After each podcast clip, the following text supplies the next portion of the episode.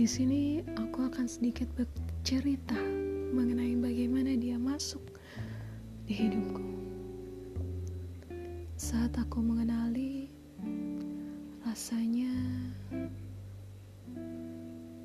saat awal matanya begitu berbinar memandangku kala itu. Aku tak ingin terlalu percaya diri. Namun setelah itu, semuanya berubah tentang dirinya.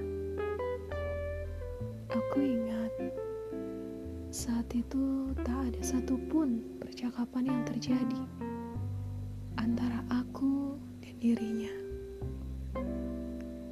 Namun perlahan dia mulai mengisi kekosongan yang ada. Berbincang ke sana kemari tentang apa pun yang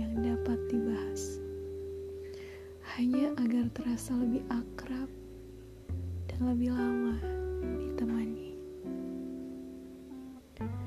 Dia pun berkata, rasa tak pernah bisa memilih hati. Aku mengiyakan.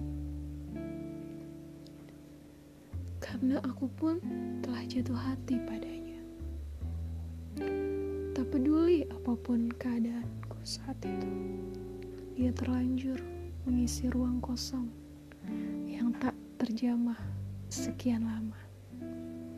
Waktu yang dijalani bersamanya adalah sebuah perjalanan menakjubkan.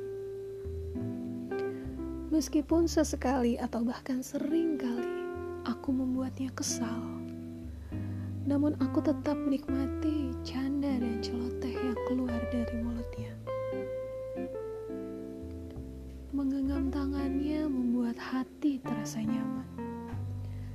Meski entah apa yang membuatnya berbeda, tak peduli setan.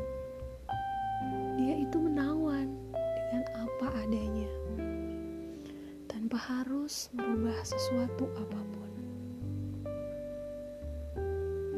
Meski terkadang cerewet mengingatkan, atau kadang menyebalkan saat mulai meluapkan emosinya, tapi dia tetap manis dan bersahaja, seperti apa adanya dia.